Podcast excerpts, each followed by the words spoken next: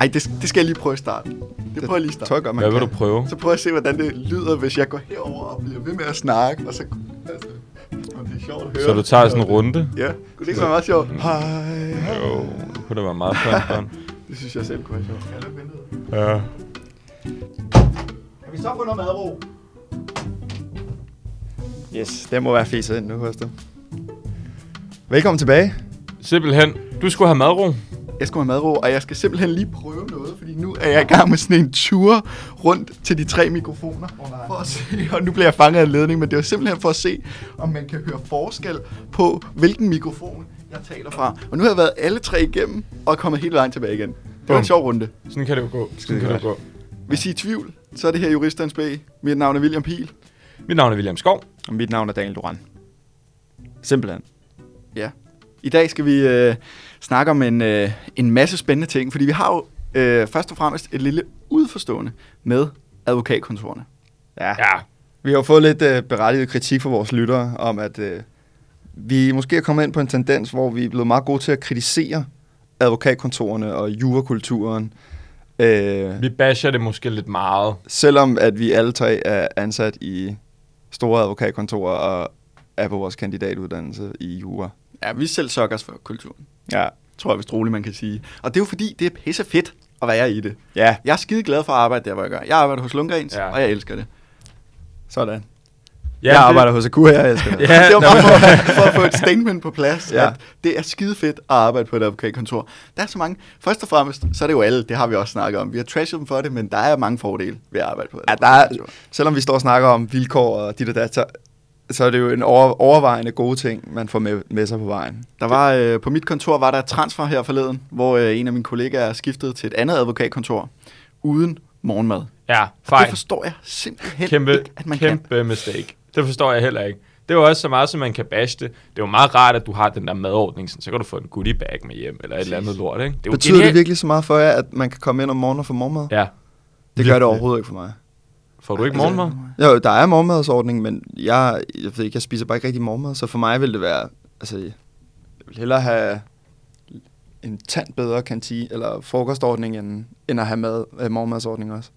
Nej, det vil, jeg tror, jeg tror ikke, jeg vil... Øh... Hvad så, hvis der ikke var frokostordning, og du selv skulle smøre madpakke? Ah, men så havde det været en anden snak. Altså, sådan, der, det, skal, det skal det være. Så havde de ikke kunne se dig for bare sko Det gør mig ikke noget, det der med, at det ikke er en del af ansættelseskontrakten, at sådan, du ved, så ryger lige 200 kroner af lønsedlen til mad. Altså, jeg, det gør mig ikke noget, at man selv skal betale for det på dagen og sådan noget. Men, men jeg, skal, jeg, skal ikke, jeg skal ikke ud og finde en sandwich i pausen, eller sådan noget der. Det, det, er, det er for dårligt. Du har også arbejdet i det offentlige, som den eneste, Jamen, vel? der var der kantine. tre, Mm. Hvor du selv skulle op og veje maden på sådan en militær ordning. Ja, ja, det var- Justitsministeriet. det, Gud, det er sgu da rigtigt. Ja. Det havde jeg fuldstændig glemt. Jamen, det var fint nok. Det, Det var. synes jeg også taler... Det vil også tale ned. Lidt Altså, dyr der var- kilopris. Jamen, det er det, jeg mener. Hvis, Ja. altså, hvis der var to steder, hvor det ene havde en perfekt kantineordning, og den anden havde sådan en militær ordning, så ville jeg helt klart vælge den perfekte madordning. Ja. Men jeg, kan, det var, jeg husker det som om, det var lidt dyrt. Jeg kan huske, i, i militæret var det sådan noget. Der var det, øh, Var det sådan 15 kroner for et halvt kilo mad? der var det 6 kroner per 100 gram. Ja, det Så du kunne få et kilo mad for 60 kroner. Det er sindssygt. Det er ligesom blandt selv, ikke? Ja, det er jo dyrere så endda. Blandt selv slik plejer det at være. Det plejer at være det dobbelte. Ja. Men, øh, ja. men, er men overall, vi, vi er jo glade for, hvor vi er. Også selve jurauddannelsen. Vi er jo glade for, at vi lærer det her, den her metode, det her værktøj. Den juridiske metode. Det er jo Ja. ja. fedt det der med, at man kan komme ud og bare arbejde lige, hvor man har lyst til med det. Altså inden for alle former for brancher, kan du nok finde en plads. ja, så har det også været... f- Altså, jeg tror også, man glemmer, hvor mange ting, man har både lært, men også oplevelser, man har fået igennem studiet. Altså bare sådan noget som studiestarten, som er lige rundt om hjørnet her. Det er jo en ting, som bare har øh, givet så mange venskaber.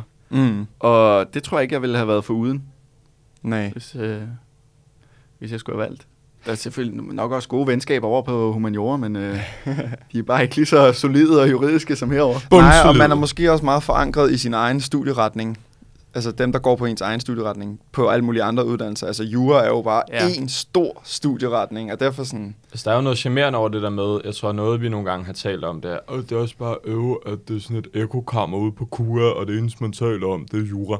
Men der er også noget vildt charmerende over det, fordi så kender du lige pludselig, jeg ved ikke, 50 mennesker, mm. 60 mennesker, 70 mennesker, whatever, som er på alle mulige fede arbejdspladser, når du er færdig. Det er jo det, der er fordelen. Når man Ja. alle læser det samme, så får du jo et vanvittigt fedt netværk. Jeg føler også, der er ofte, hvor jeg hører fra mine kammerater, at de, de går på en eller anden uddannelse, og ej, det er bare organiseret sindssygt dårligt, og, og det har noget at gøre med, at nå, men, der er lige blevet lavet noget nyt, øh, det skal lige sådan i gang, og en ny professor, som har tøjlerne for det selv, og som ikke kan finde ud af det særlig godt. Der føler jeg med jura, der er det meget sådan, det har været der igennem så mange år, altså ja. det har så meget historie og tradition, at alt du skal lære er ligesom lagt på bånd. Så hvis du bare sådan klarer det, så ved du, så har du ligesom the groundworks. Altså sådan, der, der er ikke noget længere. Alle kommer igennem det samme, stort set. Så bottom line, der er ikke noget nyt juridisk forskning. I kan lige så godt pakke sammen og glemme Ja. det. Nej, i Dr. forhold til Rasmus, du, har ikke, du er arbejdsløs. Du er-. Men i forhold til at lære metoden, er det jo ikke, fordi du møder en, en jurist, som vil vende op og ned på det hele, føler. Altså Ej, det til, til en undervisning, hvor det er sådan der, glem alt, I har hørt. Det er den her måde, man gør det på. Sådan, det er det jo ikke. Du bliver bare hærdet i den samme metode Ja, fem år. det er rigtigt. Det er rigtigt.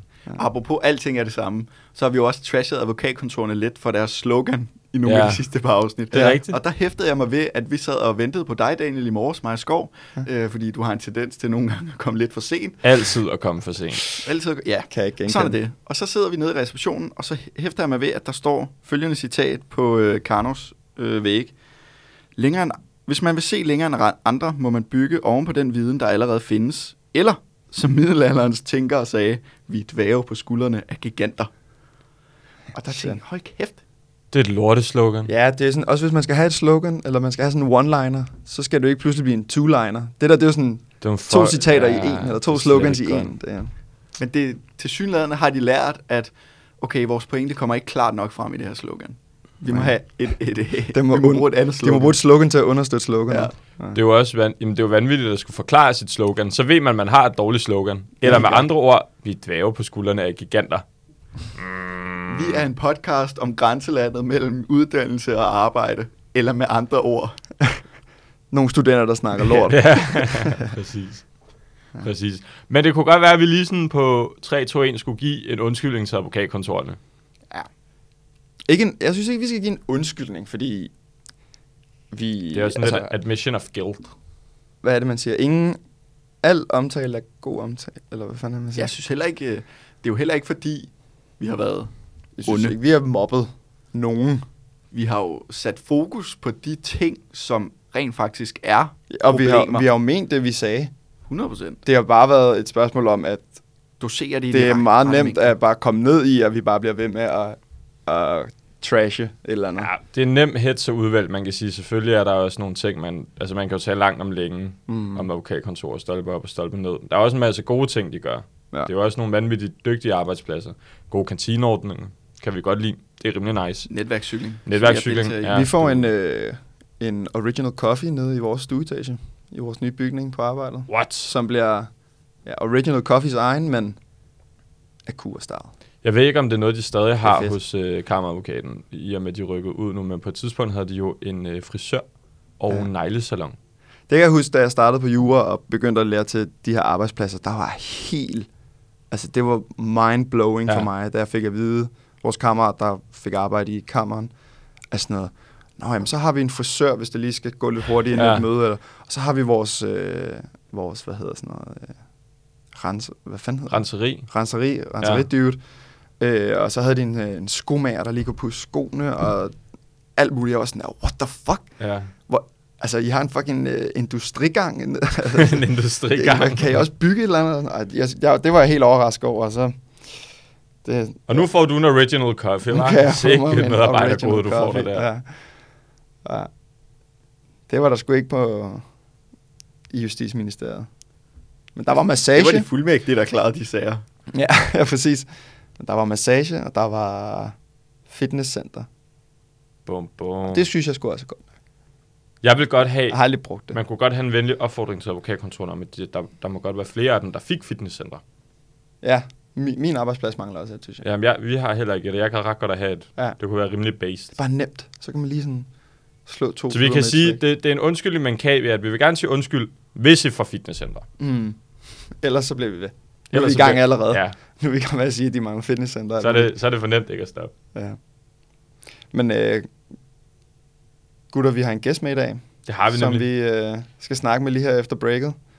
Øh, det kommer til at foregå på Teams, så er du informeret, kære lytter. Welcome to the digital age. Ja, vi ryger tilbage i lockdown mode. Øh, det er fordi vores øh, gæst, vi ved egentlig ikke, om han befinder sig i Danmark, eller om han befinder sig i USA. Det må vi spørge ham med om. det i Danmark. Han er jo Jeg, lidt... jeg kan i hvert fald sige, at jeg har gået i folkeskoleklasse med hans lillebror. Okay, fair nok. Jamen, så han er lokal. Han er lokal kendt i Humlebæk. Det er en Han er lokalt kendt i Humlebæks. Det er danskeren, Sebastian Shit, øh, Vesterby. Jeg bliver simpelthen nødt til at stoppe dig, Daniel. Det, der er sket inde i studiet lige nu, det er, at William har taget sin kasket af. og jeg tager et billede af ham nu og lægger op på Insta'en, fordi Har jeg det, meget er, morgenhår? det er helt vildt. Ej. så jeg lige så skal godt- have den der kasket på igen. i Du kan lige så godt lige tage et billede af mig også med den her dumme øh, høretelefon. Ja. Jeg står med par høretelefoner, hvor at den ene side, den er altså knækket af. Og jeg, jeg ved ikke, hvem der har gjort det. må være nogen, der har været inde og optage før os. Og den sidder bare og dingler, hvis ikke jeg, øh, hvis alt, ikke jeg holder hånden alt op er til det. amputeret i dag. Ja. Der er fredagsstemning i Bæksten. Jeg var, det var fordi, jeg var ude og løbe det der skide Sparta-løb i går. Og Hvad er så, det? det er sådan en 10 km løb. Nå, ved, sådan. Altså, det hedder havneløbet. Det, Hvor hurtigt? øh, jeg løb den på 46 minutter og Woo! 21 sekunder. Stabil. Ja. Mofata. Ja, tak. Totalt. Men øh, Bare så kom jeg bare øh, hjem, og så spiste jeg en kæmpe stor fucking burger. Så kunne jeg ikke sove, så sådan, jeg går ned og ryger en cigaret. Ja. Lidt rød tilbage nogle øh, gamle vaner. Det er jo sommer. Og så faldt jeg bare i søvn, og så, så vågnede jeg i morges, og sådan, jeg kommer Nede ikke på til. gaden. Ja, ja. Vågnede du på gaden? ja Åh, oh, shit, mand. Sikke et løb, mand. Jeg røg med cigaret, faldt i søvn på gaden. Nej, men så gik jeg op og faldt i søvn, og så vågnede jeg i morges og var sådan, at jeg kommer ikke til at fikse mit hår i dag. Altså, men det er fordi, jeg skal ud og have en fade, efter vi har optaget i dag, gutter. Wow. Jeg skal fadificeres i Det dag. skal jeg også op på Insta. Det må vi lige opdatere. jeg sender et billede efter, jeg skal over til salon Den Gyldne Saks. Den er blevet meget sådan hårdficeret, den her podcast, synes jeg. Først er det dit karse, og så er det mit karse, og så Ja. er det Skovs uh, fade, og Det er et tilbagevendende emne. ja. det er sindssygt. Nå, men vi skal videre til gæsten. Ja, videre vi- til gæsten. Vi glæder os Sebastian til have Vesterby. Øh, han kan jo nok selv snakke lidt om, hvad det er, han går og laver. Men øh, vi har taget med, fordi han blev... Han dimitterede sidste år. Nej, jeg, jeg tror, han, han dimitterede i 2021, hvis jeg husker Nå, rigtigt. to år siden. Vi har ikke helt læst op på det. Han havde, han, ja, som du siger... Øh, Jeg tror, han kommer til at lytte til podcasten på bagkant. Det håber vi ikke. Det håber vi heller ikke, nej. Nej, det, selvfølgelig gør vi det, det. Selvfølgelig gør vi det. Hej Sebastian. Men for lige at holde os i, i det faglige spor, øh, han havde en virksomhed, mens han studerede, Ja. ja. som hed Media Generation, som var sådan en konsulentbiks. Han havde to virksomheder, mens han studerede. Nej, fordi han laver først en anden efter. Nej, han skriver, laver noget under specialet. Okay. Så havde han... For helvede. Keep it clean. Ja, keep it clean. Han havde en virksomhed, der hed Media Generation, som var sådan en konsulenthus, der primært ydede konsulentydelse til advokatkontorer, og så efterfølgende har han lavet noget, der hedder Tort Experts, som han tjener big box på, åbenbart. Uh, han er inde på det amerikanske marked. Det må man sige. Han er ikke inde på det amerikanske marked. Han er lige steep in the American market. og, øh, og det glæder vi os lidt til at høre mere om. Og det han, ja, ja, jeg ved ikke, hvor meget han selv kommer til at snakke om, men det han laver, han samler leads til gruppesøgsmål. Ja, Det ved jeg Det ikke, er om, øh, faktisk ret sygt. Det er ret sygt. Altså, jeg, jeg har snakket med nogen fra mit arbejde om, hey, vi skal have ham her med, og fortælle lidt om, hvad det er, og alle har været sådan der, har han ikke nogen etiske overvejelser i at lave sådan en massiv markedsføring, som han gør? Det må vi jo høre ham Må om. vi høre? det Glæder må vi tale om.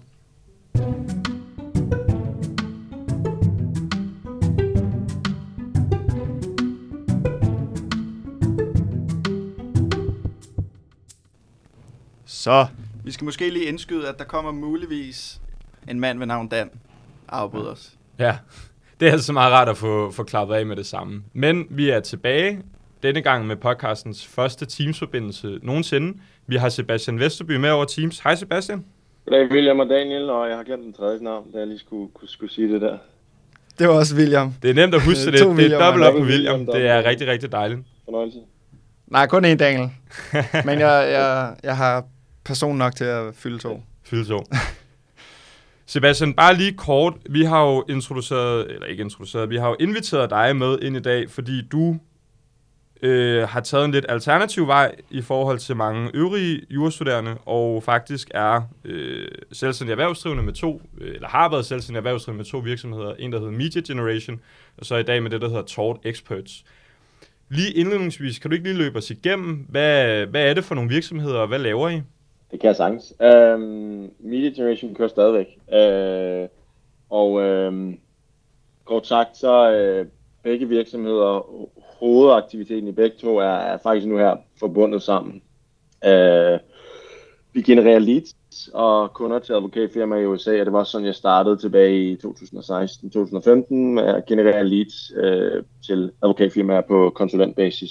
Øh, og øh, Media Generation som øh, virksomhed øh, blev sat op bare som, som konsulentvirksomheder for at køre øh, aftalerne der igennem. Øh, og øh, Tort Experts øh, blev født sammen med mine to nuværende partnere, John og Pauli, øh, fordi at vi øh, gerne vil skalere det her op og ligesom udnytte den øh, situation med, med covid i, i 2020.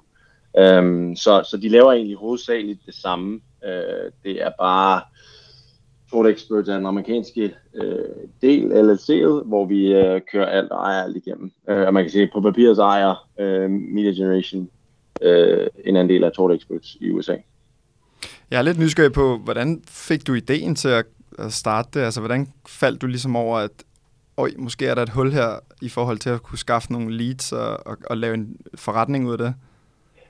Jamen, det startede faktisk fra mit sabbatår, hvor jeg havde øh, et, øh, hvor jeg boede i, i, i Florida øh, arbejdede, både var praktikant i et advokatfirma, som hedder News Malton, øh, og øh, så var jeg øh, arbejdede jeg ved siden af øh, i et øh, marketingfirma, som genererede leads. Øh, jeg havde selv genereret leads med, inden for det, der hedder e-commerce øh, tidligere, så jeg kendte godt øh, Business Manager, jeg kendte godt de forskellige platforme, man genererede trafik på. Øhm, jeg kom så ind på jurastudiet i sommeren 20, jeg kan ikke engang huske, om det er 2016 eller 2017, men øhm, og øh, startede så Media Generation i 2017, tror jeg, øh, fordi at jeg havde nogle forhold og nogle øh, forbindelser til advokatfirmaer i USA, hvor at øh, jeg så havde fået nogle konsulentaftaler ind, hvor jeg kunne generere dem kunder øh, igennem mit danske selskab Media Generation på daværende tidspunkt. Så, så det var sådan, jeg startede øh, og skalerede op, øh, og startede med at arbejde med to øh, forskellige advokatfirmaer, og endte med at arbejde med, med tre til fem øh, over de sidste, ja, fra 2016 til 2020. Øhm, samtidig med at jeg så også øh, studerede jura. Cool. Jeg tænker lidt, fordi, Sebastian, man kan sige, der er mange, der, der vælger at læse jura, fordi de er meget passionerede om juraen som disciplin, og siger, jeg skal bare være advokat, eller jeg skal være dommer, eller whatever, det ligesom ligger i den bane, og man kan sige, du har jo i højere grad beskæftiget dig med iværksætteri. Altså, det er jo en lidt usædvanlig business case. Det er jo ikke en, man, man umiddelbart ville tænke, det det her, jeg kommer til at lave efter tredje semester, hvor du har siddet og klaret dig igennem obligationsret. Så, så, så mit spørgsmål er også lidt, hvorfor andet du lige på jura? Altså, var det sådan et passionsvalg, hvor du tænkte, jeg vil sgu gerne være advokat, eller var det bare noget, du endte ind på, og så, så var det, som det var? Jeg, øh, jeg har faktisk altid gerne vil, vil være advokat, for at være helt ærlig. Øhm, og, øh, og det stammer helt tilbage fra, da jeg gik i folkeskole. Øhm, så, så jeg har altid gerne vil, vil læse jura, og, og gerne vil gå fuldmægtig og blive advokat. Øhm, grunden til, at jeg startede Media Generation, øh, var fordi jeg havde muligheden og havde forbindelserne. Jeg startede så også samtidig jurastudiet. Og grunden til, at jeg også færdiggjorde jurastudiet, også, også fokuseret, øh, min, min primære fokus under hele studiet har været jura. Øh, det vil sige, at jeg har læst øh, 8 til 17, 8 til 19, øh, og så har jeg arbejdet 19 til, til sent efterfølgende. Og det passer jo meget godt med, med USA, når, når, når man er 6 eller 9 timer bagud, afhængig af East eller West Coast. Øh, så øh, min plan har altid været at, at blive, øh, blive advokat. Øh, det har så bare lidt taget en drejning nu her, øh, og det tror jeg bare, man skal, skal, skal være øh, komfortabel i. Er det noget, du overvejer at genbesøge på et eller andet tidspunkt? Altså, hvis det har været en eller anden barn, øh, altså barnstrøm, måske fem år nede ad linjen, og så siger, ved du hvad, jeg skal skulle have den, jeg skal skulle have den titel? Øh, ja, det, det kunne helt sikkert være. Jeg har faktisk lige øh, for seks måneder siden øh, ansøgt om at tage et barn i New York, øh, og afventer sig svar her øh, inden for mm. en uge eller to, to, to uger. Sygt. Jeg tænkte nemlig også lidt på, øh, når du skulle samle leads til, til ja, vel hovedsageligt amerikanske sager, så har du vel også skulle sætte dig ind i, hvordan deres system er bygget op og fungerer, og hvad, hvilke civilretlige regler de har om lige til gruppesøgsmål og sådan noget måske.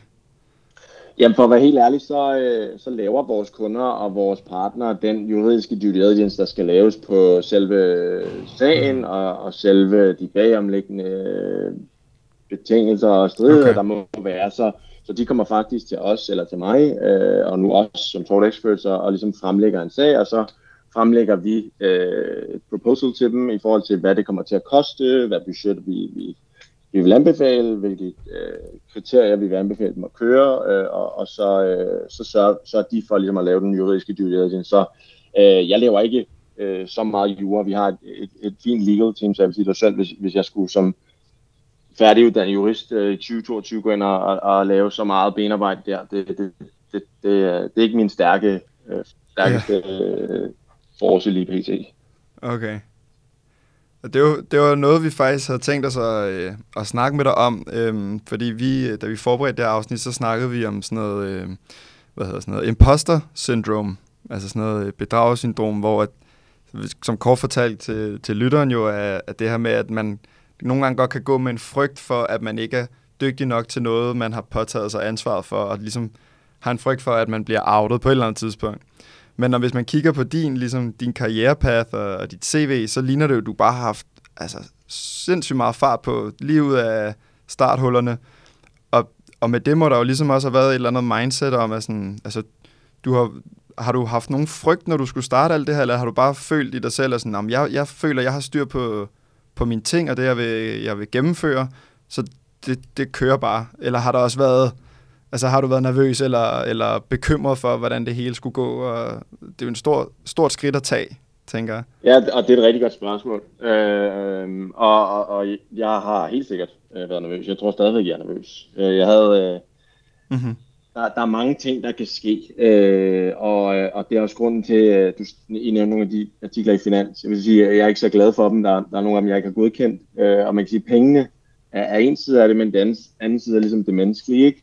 Og jeg tror altid fra start af, mm. grunden til, at jeg også stadigvæk har, har læst jura, har, har sagt, det min primære beskæftigelse, er, fordi at, at man tænker, at det altid kan gå galt. Ikke? Og, og den, den, øh, den sidder i baghovedet, og det, det er også derfor, at at øh, fra dag 1 af, 95% af alt det, jeg har tjent, har jeg ligesom lagt til side. Købt ejendomme, købt aktier, købt obligationer, øh, og for, for at sørge for, at det ligesom er, er lagt til side. Ikke? Øh, men med det sagt, så øh, efter at have kørt Media Generation der fra 16 til 20, øh, og da vi startede Tort Expert i 2020 med mine to partnere, jeg er selv 25, så jeg er stadig jeg er klart den yngste, jeg er nok mm. den yngste i hele firmaet. Øh, Samtidig med, at mine to partner, Paulie, han er, han er lige blevet 40, øh, og min anden partner, John, han er 35. Så jeg, jeg sidder med, med to partnere, som har en del mere erfaring på banen. Samtidig så sidder jeg med, med, med erfaring inden for lead gen og ligesom kan drive den der selve marketingdelen. Så det er derfor, at vi ligesom har fundet, fundet en god synergi der. Øh, men da, da covid ramte i 2020, bare for ligesom at, at gå igennem den, hvor at jeg havde kørt Media Generation i, i næsten fire år, Øh, og på daværende tidspunkt, der øh, skulle jeg til at aflevere mit bachelor, eller så var jeg i gang med at læse... Nej, jeg skulle nok til at aflevere min bachelor der, ja. Øhm, altså benhårdt. Ja. At lave en virksomhed, inden man er blevet bachelor. ja, ja, ja, vi startede, ja, vi startede i 2020, og der, der startede jeg med at, at skrive bachelor, ja, i, uh, i uh, procesfinansiering. Men Bare, bare for at sige det kort, øh, der er sket mange ting der på daværende tidspunkt, og, og der satte vi os sammen, os tre partnere, og sagde, vi har en erfaring fra den her, fra den her industri alle sammen. Øh, det svarer lidt til, øh, det kan jeg ikke sige så godt, men, men lad os sige, de, der kommer 10 mm. partnere fra Dong, og, og har en kæmpe erfaring inden for den her industri, så startede de, de, de siger jo ikke, lad, lad, nu, det er meget stor sammenligning, men lad os sige det i forhold til lytterne, ikke fordi jeg sammenligner mig selv med, med, med dem pt. Men øh, så har vi tre partnere, der kommer med en erfaring fra industrien øh, i USA. Øh, vi kan se, at der sker noget med makroøkonomien. Øh, der er potentielt en krig i Ukraine, der, der plusser op. Øh, og vi sad der i, i, i New York på det her tidspunkt med det helt tomt, tom, hvad hedder det, Times Square, og sagde, øh, lige pt, der går det fuldstændig vanvittigt nedad. Øh, alle de sidder derhjemme og siger Tiger King, øh, hvis I kan huske det. Øh, og øh, ja. vi var ligesom... Om man kan. og vi var super nervøse for det hele, ikke? Men øh, vi øh, lagde hovederne i blod, og så sagde vi, jamen, i stedet for ligesom at være nervøse, og i stedet for ligesom at second guesse det, vi sidder og laver nu her, hvad med, at vi ligesom prøver at udnytte den her situation. Øh, så vi samlede en, en bunke kapital fra os selv, og så startede vi Total Experts øh, med et helt klart mål om at bruge vores erfaring, bruge den software, vi havde, mm. vi havde udviklet, og samtidig med at bruge den kapital til at øh, disrupte den her industri. Og, og grunden til, at vi gjorde det på daværende tidspunkt var også, fordi vi ligesom ville, ville, ville tage den der erfaring og tage den makroøkonomiske situation og ligesom, hvis man spiller blackjack double down ikke, på, på, på, på situationen, ligesom sige, øh, mm. nu, nu, nu gør vi det her. Og det øh, har, har så betalt sig, øh, og, øh, og øh, har, har været super lukrativt. Men jeg tænker, der er nogen, fordi jeg synes, der er noget interessant at hæfte sig ved, det er måske den der, ikke nødvendigvis ancienitetsbetragtning, men, men mere sådan groft sådan en aldersbetragtning. Fordi det er jo noget, man godt, det kan jeg i hvert fald kende fra mig selv, og det kan være i mange øh, konstellationer, at man går ind i noget og tænker, jeg er 23, og så står du og taler med en, der er 45, ikke? og så tænker man, fuck, hvad fanden har jeg egentlig at bidrage med? Apropos måske også det her med, med øh, imposter syndrome, var det ikke svært, altså det, det er jo også det her med at, at gå ud og sige, jeg har en pissegod business case, og jeg har også netværket til at supportere det. Jeg skal bare lige have det forklaret til de her to gutter på 45, at det er verdens fedeste idé. Altså, er det ikke også en, er det ikke også en mundfuld at overkomme at skulle gøre det? Jo, det er det. Men, men jeg tror, jeg har også jeg har kendt John og prøvet mine to partnere. Jeg har, jeg har kendt dem tilbage fra 2015-2016, så, så det var ikke ligesom en, en, en, en helt ny 25-årig, der kom til dem, der er 23-årig. Øh, og, og fra dag et af har jeg altid været den, der på grund af min alder måske endda også, været den, der har klart har putte mest arbejde ind, og puttet flest timer ind, og ligesom har været meget ydmyg omkring øh, at øh, have været den yngste. Ikke? Øh, og jeg tror over de sidste, da jeg fremlagde det til dem der i 2020, der, der vidste de godt, hvor at jeg kom fra, hvor de kom fra, hvad vi alle sammen kunne bringe til, til bordet. Så vi alle sammen er lige på, på den, på den øh, hvis man skulle sammenligne det sådan helt ordentligt. Okay, men det, det er måske også mere, når man, altså, noget vi også lidt havde tænkt over, og øh, det er jo også noget med, hvordan er det, og, altså nu har du både drevet forretning i, i Danmark og i USA, altså, altså særligt inden for, for jura, altså hvad er det for nogle forskelle, der tegner sig mellem de to øh, lande blandt andet, og, og hvordan, måske også mere sådan abstrakt, men, men det at betragte juraen som en disciplin, kan du se nogen forskel på, hvordan man gør det i Danmark kontra USA? Ja, der er, der er en kæmpe forskel. Og man kan sige, hvis, hvis vi skal starte med alderen, så øh, og grunden til, når jeg også er i USA, og jeg har et kæmpe skæg, det er fordi, det er folk, de ser lidt ned på, på, øh, på der, det er meget, det er meget, øh, det er det nok også i Danmark, men, men derover er der meget, øh, øh, der er mange strenge gamle advokater, der ligesom sætter, sætter, sætter reglerne, ikke? Øh, og hvis jeg kommer øh, uden skæg og, og spiller lidt smart, og ikke ligesom ved, hvad, hvad, jeg, hvad jeg snakker om, så bliver der hurtigt slået ned på det, versus hvis man kommer super forberedt, øh, ved hvad man snakker om, kommer 10 minutter før mødet, øh, og, og ser ordentligt ud med jakkesæt, øh, så er der en helt anden tilgang til det. Og jeg tror, i forhold til det der imposter syndrome, så har jeg også altid været, øh, været meget ydmyg omkring min tilstedeværelse, og været super forberedt, overforberedt hver gang. Øh, og, øh, og det over de sidste ja, 7-8 år har ligesom compoundet stille og roligt, så nu hver gang jeg kommer ind i noget, så ved folk ligesom, selvom jeg er 25, at, at jeg kommer meget for, er overforberedt og ved, hvad jeg snakker om. Øh, så jeg tror, det er en side af det. Den anden side er at sammenligne de to øh, industrier eller jura i Danmark med, med, med jura i USA, så er øh, jura i USA det, totalt case-baseret. Så øh, det er meget, af min erfaring, meget i forhold til øh, forbindelser, relationships mellem de forskellige advokatfirmaer, de forskellige fonde, de forskellige øh, selskaber hele året. Øh, og øh, jeg beskæftiger mig ikke, eller vi beskæftiger os overhovedet ikke med, med, med andet end mass tort, class action og personal injury lawsuits. Og i Danmark ser man det lidt som ambulance chasing, og det kan jeg sagtens ikke anerkende til. Mm. Men i USA har vi en masse forskellige lawsuits, hvor at den, den helt almindelige amerikaner faktisk oftest ikke ved, at det vand, de har drukket i, i den stat, eller det talcum powder, de har brugt i de sidste 20 år, har forårsaget deres cancer, eller har forårsaget den injury, som, som de sidder og, og kæmper med. Eller øh, en anden sag, som som måske er lidt mere relaterbar, er øh, en, en, en, øh, en, en statsrelateret bil i, i, i 2020, der kørte over for rødt, fordi at føreren var, var fuld, og den endte med at dræbe en, en helt almindelig families øh, to helt små børn, og moren og faren overlevede. Og der må sige, i Danmark, det er selvfølgelig forfærdeligt, men i USA, der har staten et ansvar for, at at øh, et er, at de skal jo, i forhold til de almindelige erstatningsbetingelser, skal ligesom gøre op for, for det tab, de har, de har lavet. Men i USA er der så også et punitive element, hvor de straffer folk for at gøre noget galt. Om det så er staten eller private selskaber, de er sig ligegyldigt. Så de straffede også staten i det her tilfælde, øh, og, og sørgede for, at moren og faren, som overlevede og som skulle leve med det her, fik kompensation for det tag, øh, de, mm. de, de lider. Så jeg vil sige, det er sådan de, de tre helt overordnede øh, forskelle, som jeg sidder med helt, øh, helt, helt ind under, under fingrene med. Altså, mit indblik af, af advokatvirksomhed i USA, det er jo alt sammen baseret på film og serier, jeg har set. Så mit, mit blik af det, det er jo, jeg har set Suits, og jeg har set alle mulige øh, sager, hvor øh, advokaten, han, han, eller assistenten til advokaten kommer løbende ind i øh, courtroom i sidste sekund med det brændende bevis for øh, XYZ, og det virker sådan, altså, der er meget, øh, det er på en eller anden måde, det er selvfølgelig dramatiseret, fordi det er underholdning, men men den kultur med, at du ved, der er, der er altid lidt et spil i gang, og, øh, og dit og dat, er det, er, det, er det mere sådan, eller hvad skal man sige, passer det, man ser nogle gange på film og serier i forhold til Danmark? Er det lidt som øh, advokatvirksomhed på steroider øh, sammenlignet med Danmark, eller er det, er det rent tv?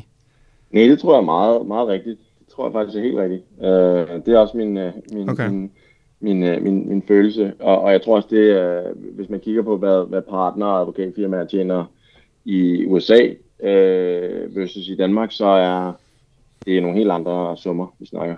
Jeg tænker, Sebastian, måske lige en ting, jeg egentlig også kunne være ret interesseret i at høre om, det er, altså hvis du nu, når man kigger på studerende i dag, og jeg, det har unægteligt også været et tema, dengang du selv studerede, så, så er der jo mange, der går og og slår sig selv lidt i hovedet over, at det er jo meget konkurrencepræget studie. Det er et studie, hvor man gerne skal excellere rigtig, rigtig hurtigt, og, og, og man skal helst være inde i varmen øh, fra start. Hvordan var din egen oplevelse med at studere netop, når du lavede de her virksomheder ved siden af? Fordi jeg vil da ikke lyve. Øh, da vi startede på studiet, der handlede det meget om, at jeg skal arbejde det rigtige sted hurtigt, og jeg skal helst også være stud inden for et år. Og, og der kan man sige, der har du trods alt gjort noget andet, så, så hvordan har det været at studere og egentlig have en helt anden tilgang til øh, det at have en business case kontra nogen, der bare har tænkt, jeg skal ind til en kaffemaskine og have 200 timer og lave kildesøgning. Altså, kunne du mærke, at der var nogle af dine medstuderende, der måske kiggede på det og tænkte, ja, super fedt, men lad os se om tre år, hvad fanden der så sker, ikke? Altså. Jo, og jeg tror, øh, jeg, jeg er stadigvæk, jeg, jeg elsker juraen som disciplin, og jeg, er, som sagt, det er kun et år siden, jeg blev færdig, så jeg føler stadigvæk, jeg kan, eller til, til hvordan det er at sidde og, og læse Obli, eller sidde og skrive speciale, øh, og sidde mm. og, og, og, og føle det hele er fuldstændig uoverskueligt. Øhm, med det sagt, så øh, er det et meget konkurrencepræget studie, det er klart. Det var min, det var min, øh, det var min fornemmelse før jeg startede, og det var min fornemmelse gennem hele studiet. Øh, og som du selv sagde, så valgte jeg fra start af en, en lidt anden vej. Øh, og øh, jeg tror, folk på studiet, øh, jeg har altid haft et, et super godt forhold til, til folk fra, fra mit studie, øh, og, og snakker stadigvæk med dem i dag, men jeg tror altid, der har været sådan lidt et, øh, et, et, et blik hen mod mig, som værende, ja, lad, lad os se, hvad der sker, ikke? Øh, og, og som sagt har jeg været mm. meget underspillet, stadigvæk føler, på trods af, at disse artikler er meget underspillet, Øhm, og, og der har ligesom ikke været noget fra mig, der signalerede, at, at et, det gik godt, to, at, at der var noget, hvor at, at jeg kunne satse på det her fuld tid, og, og tre, øh, det var ikke noget, jeg gik og snakkede om overhovedet. Øhm, så jeg tror, at, at jeg valgte sådan lidt den der mere ydmyge tilgang til det, og, og her 5, 6, 7 år efter, øhm, jeg er sikker på, at folk, øh, folk godt kan se, at, at jeg har fat i noget. Er der en valuable mistake eller lesson, du har lært hen ad vejen, som, som du føler, du, du virkelig kan tage med dig? Ja, jeg, jeg tror, at, øh, at øh, ligesom at være komfortabel i det ukomfortable, øh, og, og ligesom lade tingene ske, om man, om man så sidder og læser og føler, at det hele er noget lort, og det hele brænder sammen, eller om man sidder og, øh, og, og, og har en arbejdsdag, der, der ligner you know, fra, fra 8 til, til 22, og du ligesom ikke kan overskue det overhovedet, du er i gang med at flytte lejlighed, og, og det ene og det andet. Alt skal nok gå, tag det en dag i gang, øh, og, og, så bare være, være komfortabel i det, og, og fokusere på at tage et skridt i gang. Jeg tror, hvis jeg havde sagt det til mig selv fra, fra dag 1 på studiet, så, Øh, så har det været langt mindre, mindre stressende. Øh, og øh, i forhold til det meget konkurrencepræget, i forhold til, at man skal have det rigtige studiejob fra, fra andet semester, og man skal læse for til 17 og stadigvæk have tid til øl med vennerne, så tror jeg bare, man skal ligesom have den, øh, den tilgang til det, at det hele nok skal gå, og sørge for, at du laver dine ting, men, men samtidig sørge for, at, at du øh, ikke stresser dig selv unødigt. Øh, det tror jeg helt klart, jeg har gjort. Så uh, at trust the process. Trust the process, lige præcis. Ja, og så, og så ikke være bange for at tage en chance. Altså, øh, hvis, hvis der er noget, du tror på, så, øh, så gør det. Så skyder det afsted. Cool. Nu nævner du det der med meget lange arbejdsdage, der var også i en af finansartiklerne, hvor du, du nævnte, at øh, så der stod, at, øh, nu citerer jeg, at der står, jeg har læst fra 8 til 15, og efterfølgende arbejdet fra 15 til sent. Mange gange rigtig sent. Og så tænker jeg bare, indtil videre, har det været det hele værd? Har det, har det, jeg går ud fra, at man må have offeret nogle ting. Har det, har det været det værd, synes du, i forhold til, hvor du står nu? Det har været det hele værd, ja. Det er det hele værd. Fedt. Det er... Øh, Fedt. Det er det hele værd. Det er, og, og, og, det vigtigste af alt, det er, at jeg, jeg vægter meget højt, at jeg kan vælge min egen tid. Jeg kan vælge min egen arbejdstid. Om jeg så vælger at arbejde 8-22 i går, eller om jeg vælger at øh, tage fri kl. 15.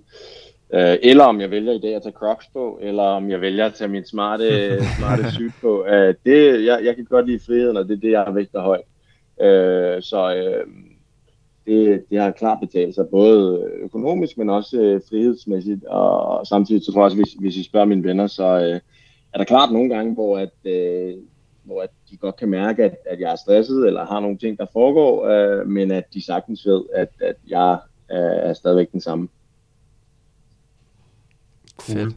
Sebastian, jeg tror egentlig, vi vil være der, hvor vi skal til at sige uh, tusind tak, for at du lige har lyst til at være med her hen over Teams. Tusind tak for at give et indblik uh, dels i din virksomhed og hvad I går og laver, og også at dele ud af din erfaring. Det har været uh, virkelig, virkelig fedt at tale med dig og få et indblik i, uh, ja, hvordan man også kan være iværksætter som, uh, som jurist, der ikke behøver at have en kæmpe slipseknude og være fuldmægtig i tre år. Det har været mega, mega cool. Så tusind tak. Ja, og, og by the way, så har fuld respekt for, for, for dem og, og går selv i slip, så det er ikke fordi, at jeg, jeg ser ned på det. jeg har bare lige min crocs på i dag, øh, så øh, Selvfølgelig. Øh, jeg er stadig selv vild med, med suits og, og har fuld respekt for de fuldmægtige, der sidder lige her ved siden af hos, hos Kromand og, og de andre store advokathus. Det er kontrasten, man finder mening, som man siger, ikke? Crocs og slips. Det er præcis. Simpelthen. Men øh, yes, tusind tak, Sebastian. Tak for det.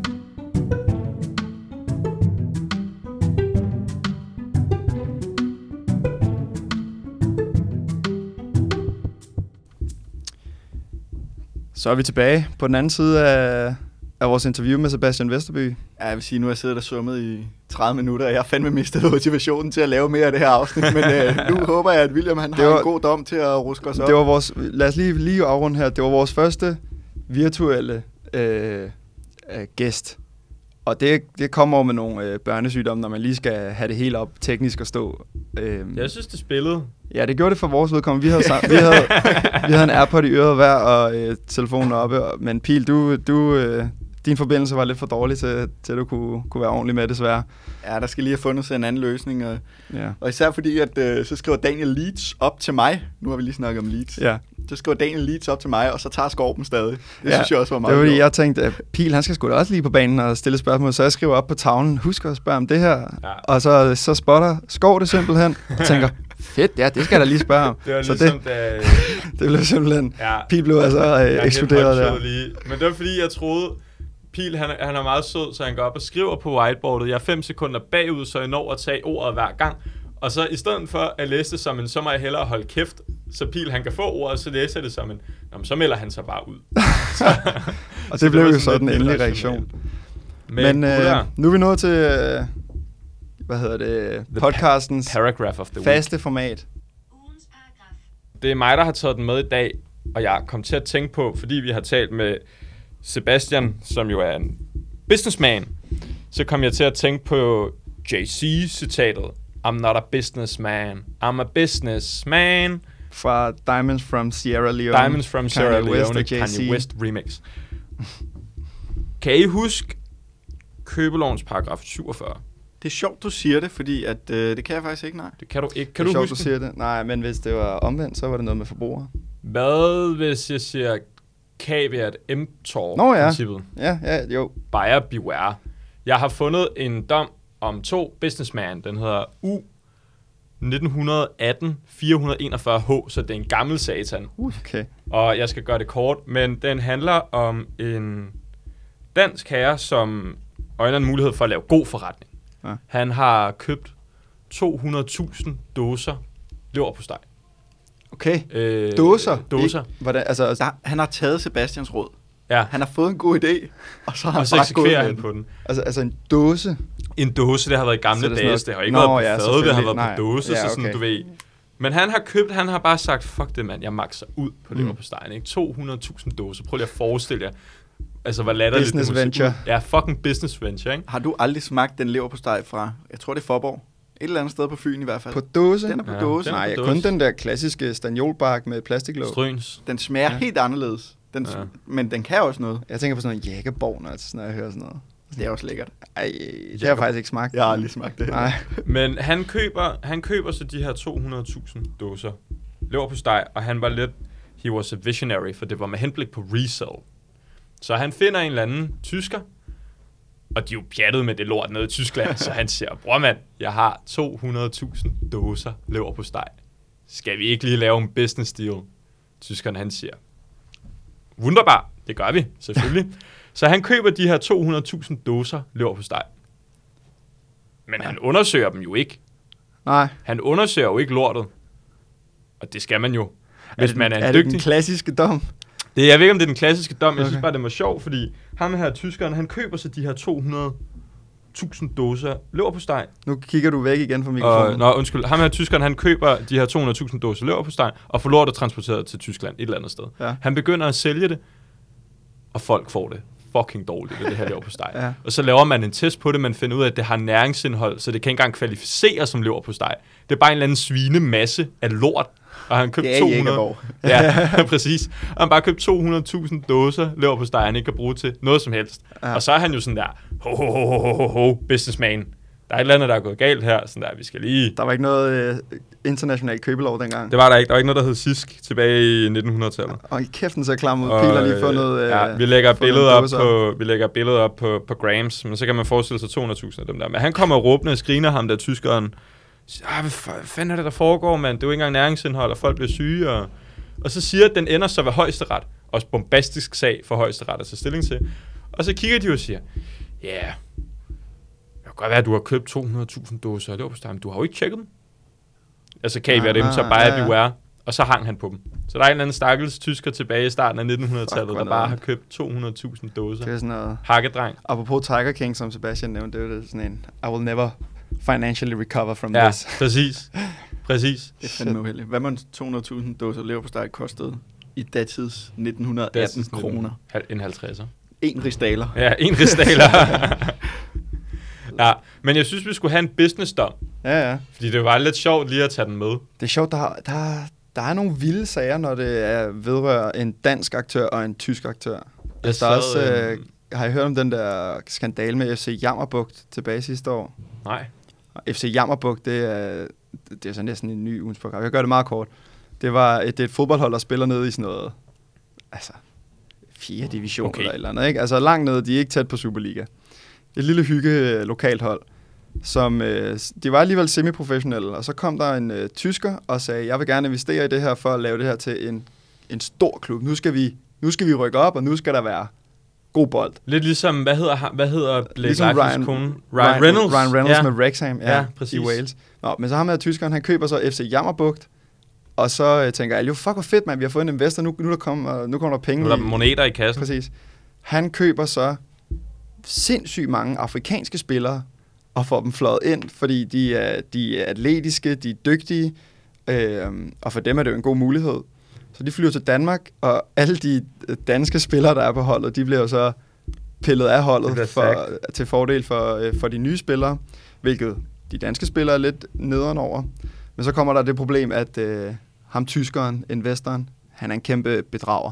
Han har ikke de penge. Han har ikke nogen penge, Hej. og han kan ikke betale de, øh, de afrikanske spillere, som har efterladt deres hjemland for at komme og, og spille i Danmark.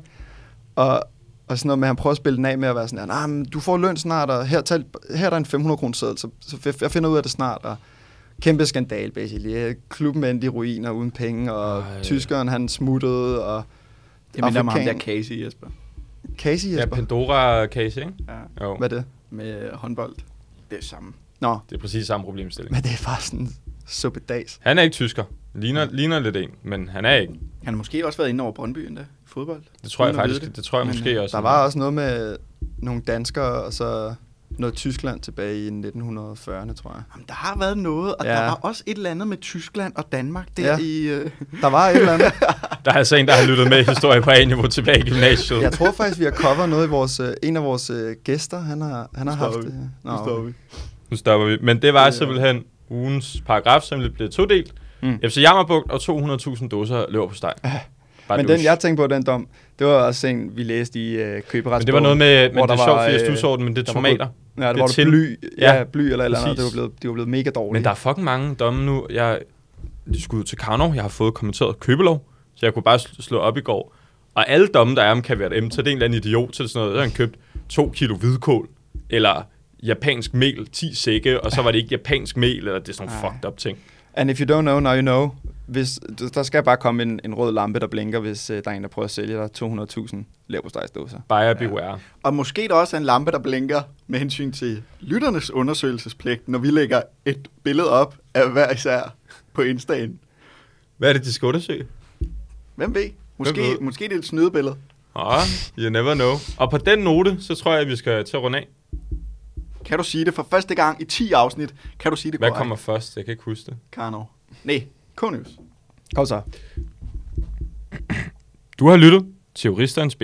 Podcasten er produceret i samarbejde med K-News og Karno Group. Sådan, sådan, sådan. Bam! Kom med den, mand. Kom med den. weekend, mand. Og så bare... Ja, præcis. Vi ses, vi lyttes.